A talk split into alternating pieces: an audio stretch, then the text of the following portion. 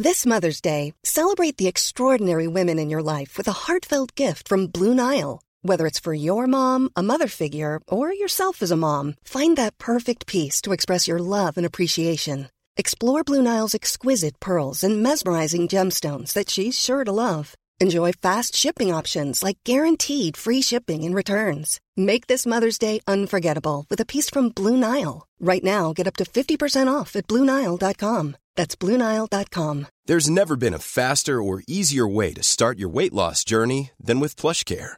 PlushCare accepts most insurance plans and gives you online access to board-certified physicians who can prescribe FDA-approved weight loss medications like Wigovi and Zepbound for those who qualify. Take charge of your health and speak with a board-certified physician about a weight loss plan that's right for you. Get started today at plushcare.com slash weight loss. That's plushcare.com slash weight loss. plushcare.com slash weight loss.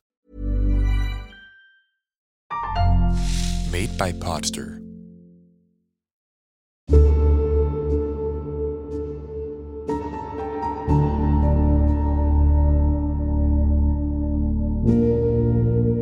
Du lytter til Forhøret, en podcastserie, der genskaber forhørssituationer fra autentiske kriminalsager. Forhørene stammer fra politiets efterforskningsarbejde, og rollerne bliver spillet af skuespillere. I denne episode skal vi lytte med, når politiet efterforsker den opsigtsvækkende sag, livet i Skærgården, hvor offeret blev parteret efter sin død. Af hensyn til de pårørende og andre involverede, er nogle af navnene blevet ændret, mens andre parter helt er udeladt. I denne serie taler vi også med Gunilla Blomberg, som er kriminalbetjent og ekspert og uddannet i forhørsteknik. Du lytter nu til episode 5.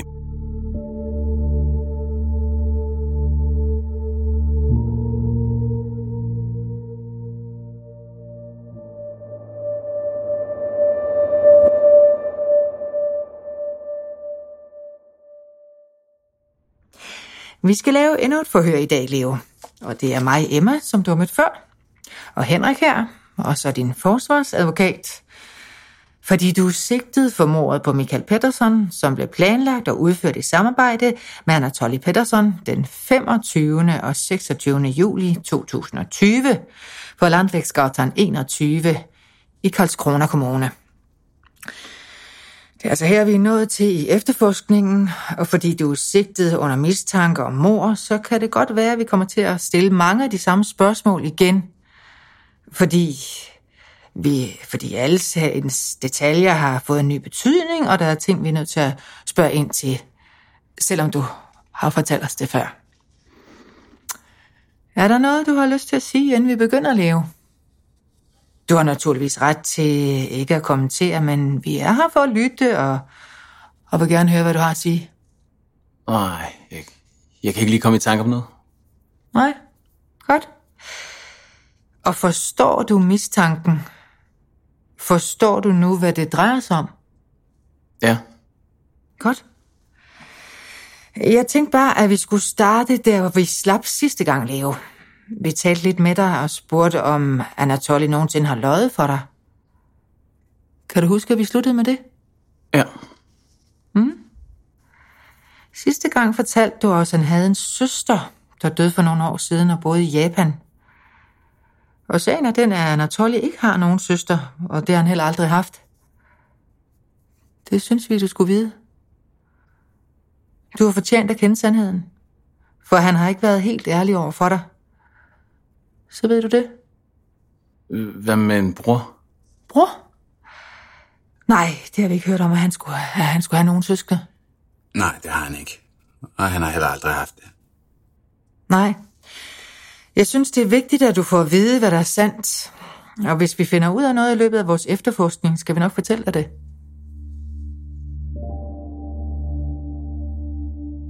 Både Anatoli og Leonard har talt om den sejltur, de tager afsted på om søndagen, og om den oppakning, de har med. Under de indledende forhør er politiet kommet i kontakt med flere vidner, der har set Anatoli og Leonard trække en rullekuffert ned til båden den pågældende morgen.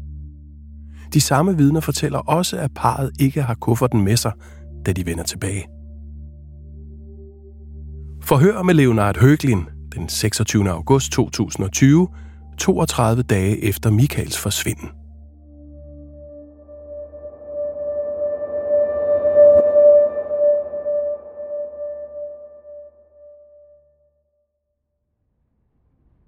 For du skal tænke på, Leo, at det, du har fortalt os, ikke stemmer overens med det, Anatoly har sagt. Tja, det ved jeg ikke rigtig, hvordan jeg skal svare på. Jeg har fortalt jer tingene, sådan som jeg husker dem. Øh, Men øh, så tilføjer vi en ting mere. At Michael forsvinder i forbindelse med alt det her. Jeg ved ikke, hvor han er forsvundet hen.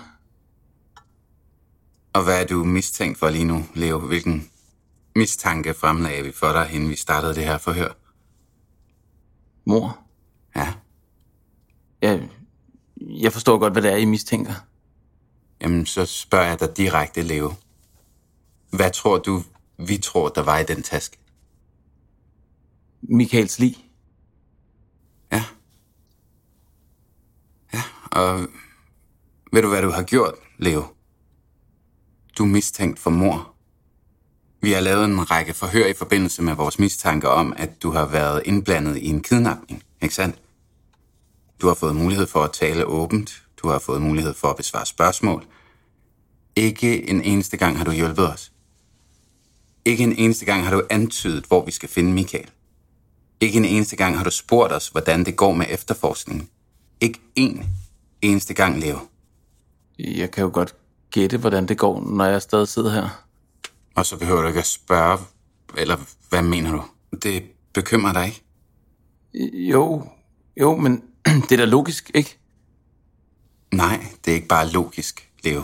For mig føles det logisk. Og den her kuffert, I går ud med, Leo, den tager jeg aldrig med tilbage. Så nu opfordrer vi dig til at fortælle, hvor I gjorde af den. Vi tog den med tilbage.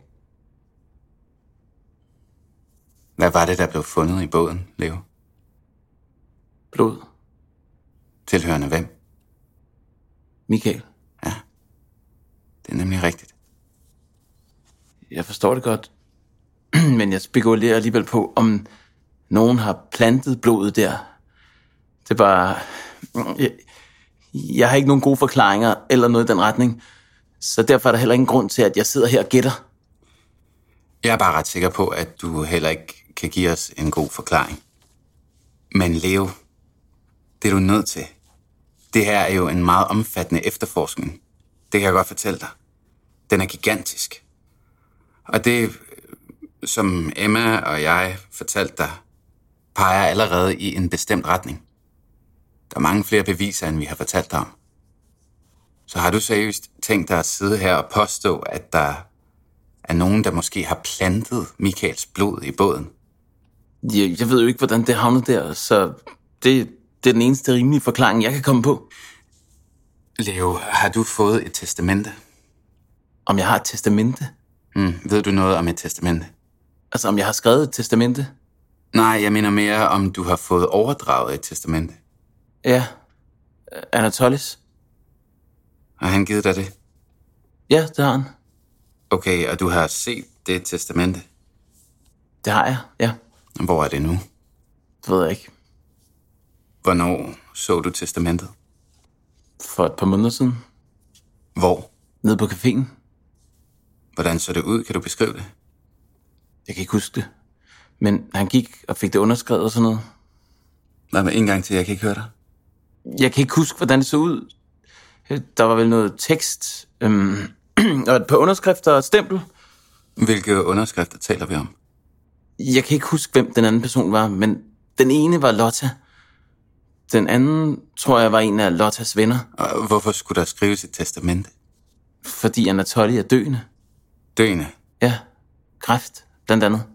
Kraft, blandt andet. Hvad betyder blandt andet? Og hvilken slags kraft er det? Hjernetumor. Og hvad mere? Ja, der er vel ikke andet, han ligefrem at være dø af, men hans helbred er ikke for godt i forvejen.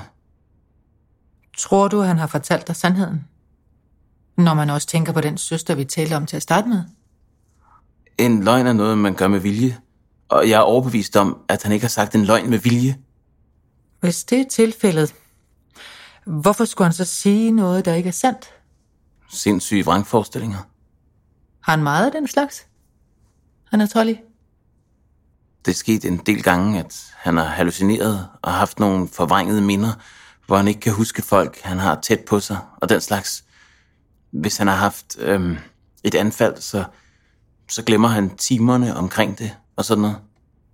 Hvornår er det sidst sket? Det kan jeg ikke huske. Har det været, imens I har været sammen? Ja, flere gange. Der er intet fra vores forundersøgelser eller de efterfølgende forhør, der tyder på, at han har en hjernetumor.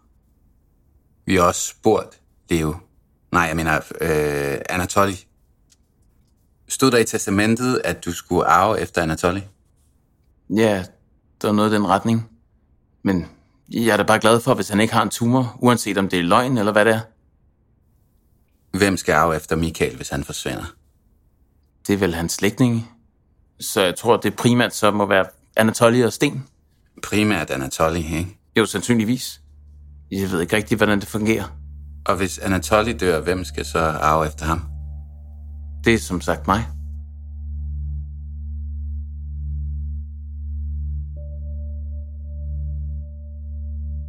Forhør med Anatoly Pettersson den 7. september 2020, 44 dage efter Michaels forsvinden.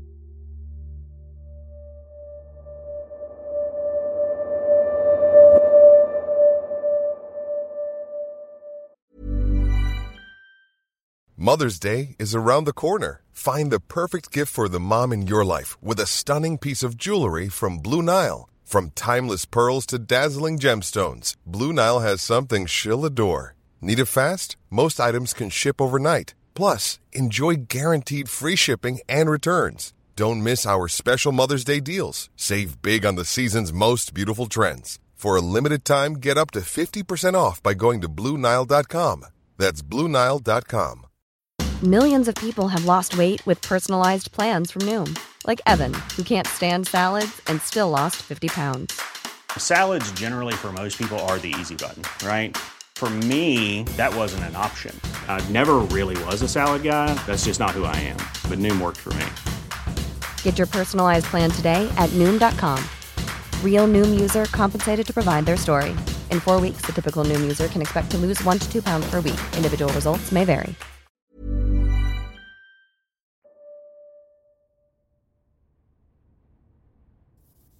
Nej.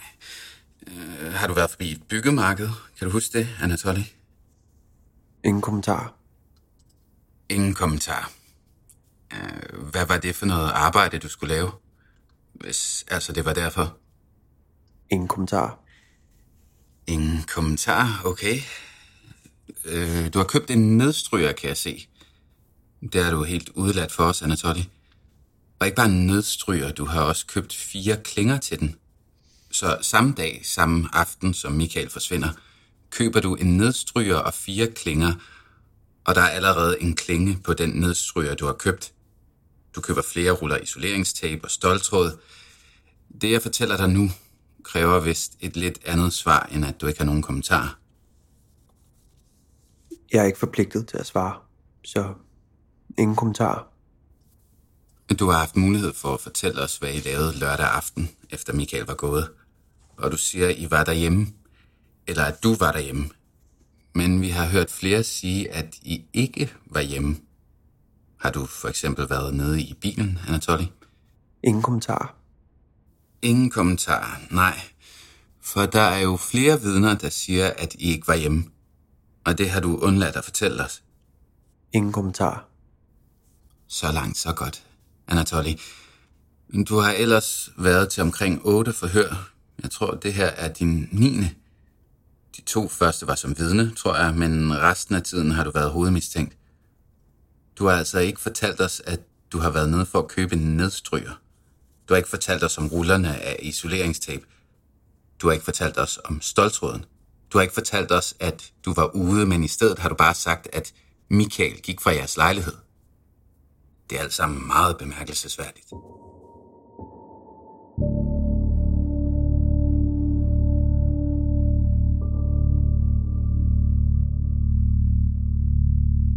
När någon inte vill prata med ja, då vill den inte prata mer. Och det är bara att acceptera. Hvis du ikke vil tale med mig, så vil jeg heller ikke tale mere. Og sådan er det. Og hvad kan man så gøre som forhørsleder? Man finder ud af, hvorfor vedkommende ikke vil tale om det. Hvis en person, der ellers har fortalt en masse, pludselig bliver tavs, vil jeg i hvert fald lægge mærke til det. Og så kan man gøre opmærksom på det og spørge, hvad er årsagen til, at du bliver stille lige nu? Jo, og så kommer der tit en forklaring, man kan skrive ned. Man har jo ret til ikke at ville udtale sig. Men så ved vi i det mindste, hvad det drejer sig om. Det er op til personen at ombestemme sig. Måske ikke engang. Nej, men hvis personen ikke vil fortælle det, så er der ikke noget, jeg kan gøre. Jeg kan ikke tvinge nogen til at tale. Så må man først som forhørsleder prøve at finde frem til det vigtigste i efterforskningen, for eksempel hvorfor det er sket, motivet, årsagen, hensigten. Og så kan det jo godt være, at personen stadig ikke har lyst til at tale. Man bliver jo helt som forstenet. Men det er min opgave at finde frem til noget, som personen alligevel har lyst til at fortælle om, og hvor de taler af egen fri vilje. Det kan godt være, at man er nødt til at trykke lidt der, hvor det gør mest ondt. Det kan man jo godt forestille sig. Om det så er rigtigt eller forkert, men et eller andet sted er det jo nødt til også at være lidt menneskeligt.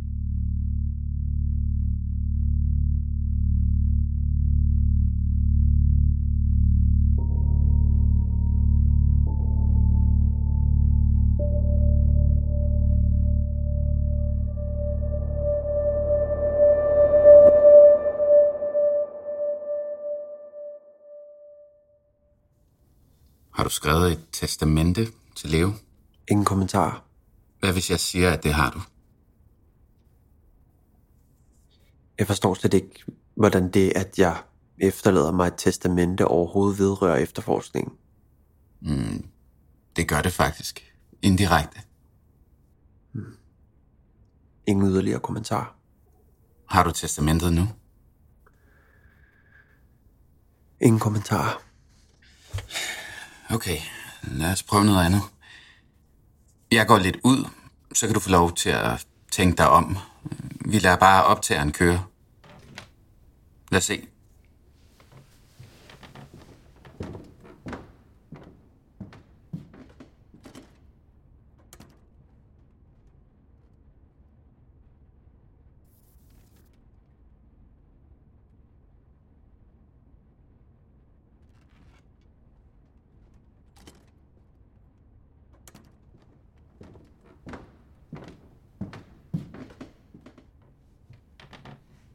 Mm, det jeg fortalte dig før, Anatoly, om... Øh, du siger, at dit testamente ikke har noget med efterforskningen at gøre. Hvad mener du, når du siger, at det ikke har noget med efterforskningen at gøre? Ingen kommentar. Hvorfor har du fortalt Leo, at du er ved at dø af kræft? Ingen kommentar. Nej, men så svarer jeg. Du har sagt, at du har en hjernetumor, og at du ikke har så meget tid tilbage at leve i. Du blev stillet det samme spørgsmål sidste gang, og du svarede ingen kommentar. Og så skriver du et testamente til Leo. Så er det ikke så svært at lægge to og to sammen, vel? Jeg ved ikke, hvor du vil hen. Hvis Michael skulle forsvinde, og selvom jeg ikke tror, det kommer til at virke i det her tilfælde, men hvis Michael forsvinder, hvem skal så arve efter? Det har du allerede regnet ud, det ved jeg godt, Anatoly. Det er dig, ikke? Under normale omstændigheder. Har jeg ret, eller hvad? Jeg, jeg ved ikke, hvad du vil frem til. Så er der bare det store spørgsmål tilbage. Du har fortalt Leo, at du ikke har så meget tid tilbage. Og du har skrevet et testamente. Du må have regnet med at skulle dø. Hvem skulle så arve efter dig, hvis du har skrevet et testamente til Leo? Fordi jeg ikke har nogen børn. Er det Leo? Præcis. Er du stadig af den opfattelse, at det her testamente ikke har noget med efterforskningen at gøre? Ja. Jeg ved det, ja. Jeg er ikke så dum, at jeg ikke kan se, hvor du vil hen. Michael har aldrig haft nogen direkte aktiver. Så hvis det er et motiv, du leder efter, så forstår jeg det slet ikke. Øhm, nej. Motiver kan vi tage en anden gang, men aktiver har han. Det kan du også tænke lidt over, Anatoly. Og hvis du tror, at vi ikke har et motiv, tager du fejl. Helt fejl. Jeg sagde jo, at du måske gerne ville tale med mig. Jeg tror, der er noget, du gerne vil sige. Det er ikke noget, jeg finder på, Anatoly. Selvfølgelig har vi talt med Leo om de ting, du har lovet omkring. Om din hjernetumor, for eksempel. At du har brækket ryggen, din søster, der døde i Japan. Hvad har du at sige til det? Ingen kommentar. Du tvinger os til at fortælle Leo de her ting. Hvorfor lyver du om det, Anatoly? Prøver du at imponere ham, eller hvad? Er det ren manipulation? Spørgsmålet er åben.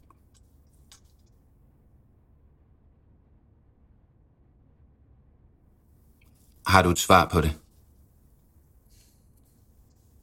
Ingen kommentar. Nej, ingen kommentar. Ja. Som jeg sagde før, Anatoly, så har du jo været anholdt i over en måned, og jeg spekulerer på, at det, er det 9. forhør med dig. Indtil videre har du ikke givet dig hjælpe os. Hvad siger du til det? Er det ikke på tide at gøre noget ved det, Anatoly?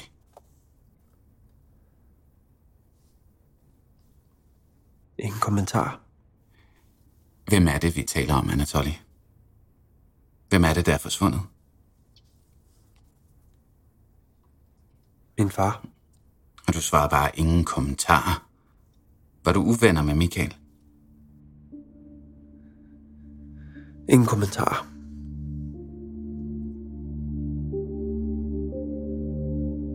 Det er under tidligere forhør kommet frem, at de ting, Anatoli har fortalt Leonard, slet ikke passer. Det har efterforskningen kunne modbevise. Efterhånden som tiden går, dukker flere og flere detaljer op, som viser sig at være usande. Det billede, som Anatoli og Leonard maler af Michael under forhørene, bekræftes ikke af nogen af de andre vidner. Forhør med Leonard Høglin den 13. oktober 2020, 80 dage efter Michaels forsvinden.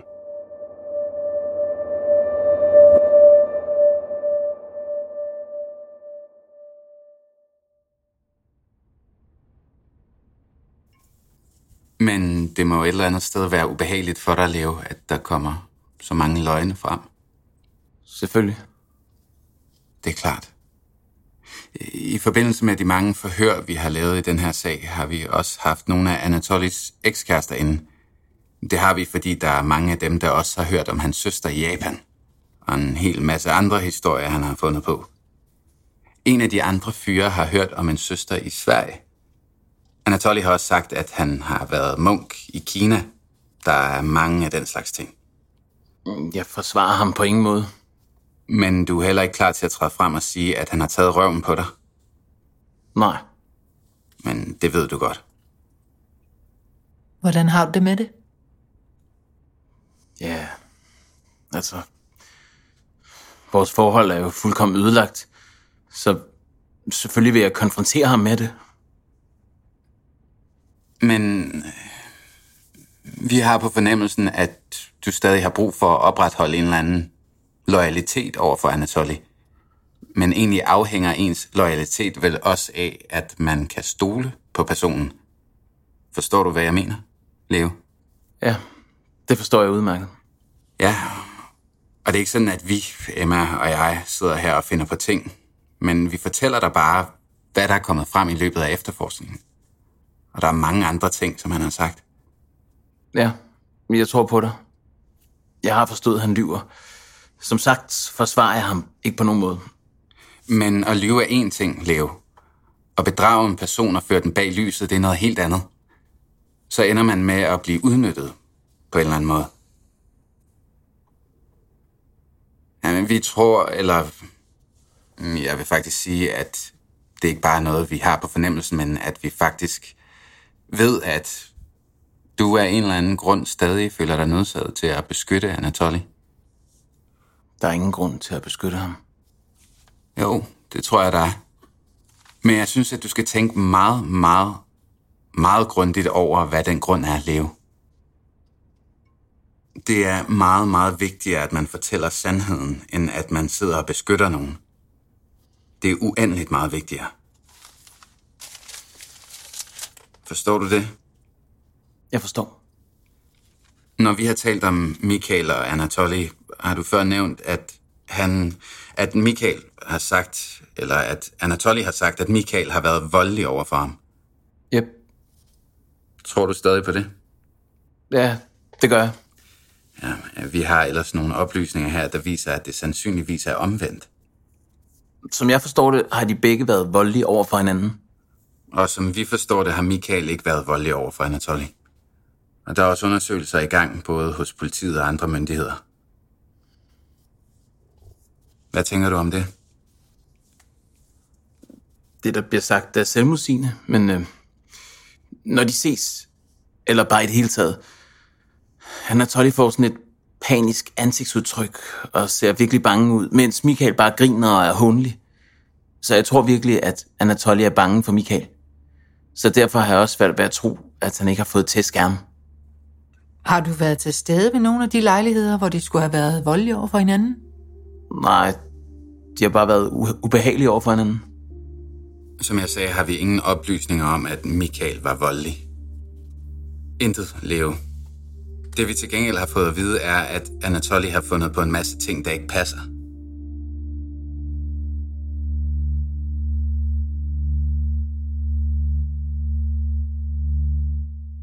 Leonard fortæller om sine studier, og forhørslederen spørger ind til bestemte dele af pensum. Blandt fagbøgerne er en fysiologibog, som han har lånt af Anatoli. Et afsnit med titlen Muskler, knogler og led har fået et æseløre. Anatoli og Leonard har nu været varetægtsfængslet i over tre måneder. Begge har konsekvent nægtet, at de skulle have begået nogen form for forbrydelse.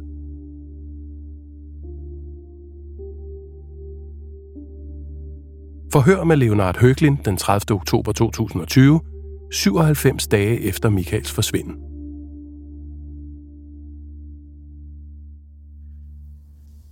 Lad os se. Så er alle maskinerne i gang herinde, Leo.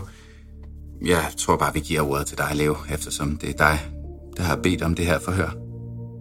Ja. Øh. Det var os, der slog Michael ihjel.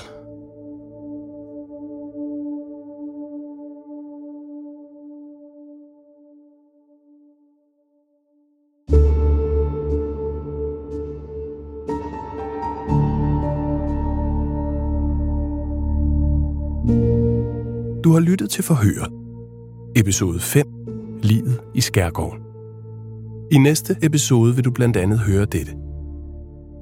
Øhm, men vi spiste noget mad og så lidt film, indtil det ringede på døren.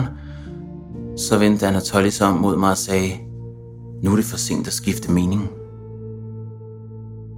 Jeg vil aldrig kunne dræbe et menneske. Og han vil aldrig være i stand til at skære nogen op. Hvordan kom I frem til det? Svært at sige. Det var bare en fornemmelse, men det var rigtigt nok. Jeg lagde mærke til det, når han talte om forskellige ting. For når han talte om det her, så smilede han over hele femøren. Og han sagde, jeg har drømt om det her, lige siden jeg var barn.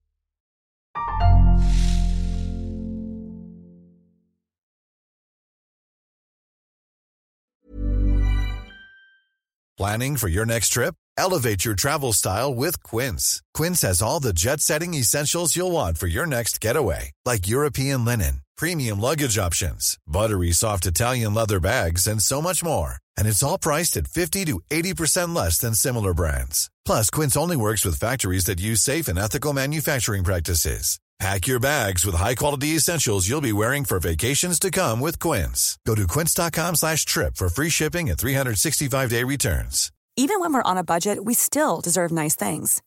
Quince is a place to scoop up stunning high-end goods for 50 to 80% less than similar brands. They have buttery soft cashmere sweaters starting at $50, luxurious Italian leather bags, and so much more. Plus, Quince only works with factories that use safe, ethical, and responsible manufacturing. Get the high-end goods you'll love without the high price tag with Quince. Go to quince.com slash style for free shipping and 365-day returns.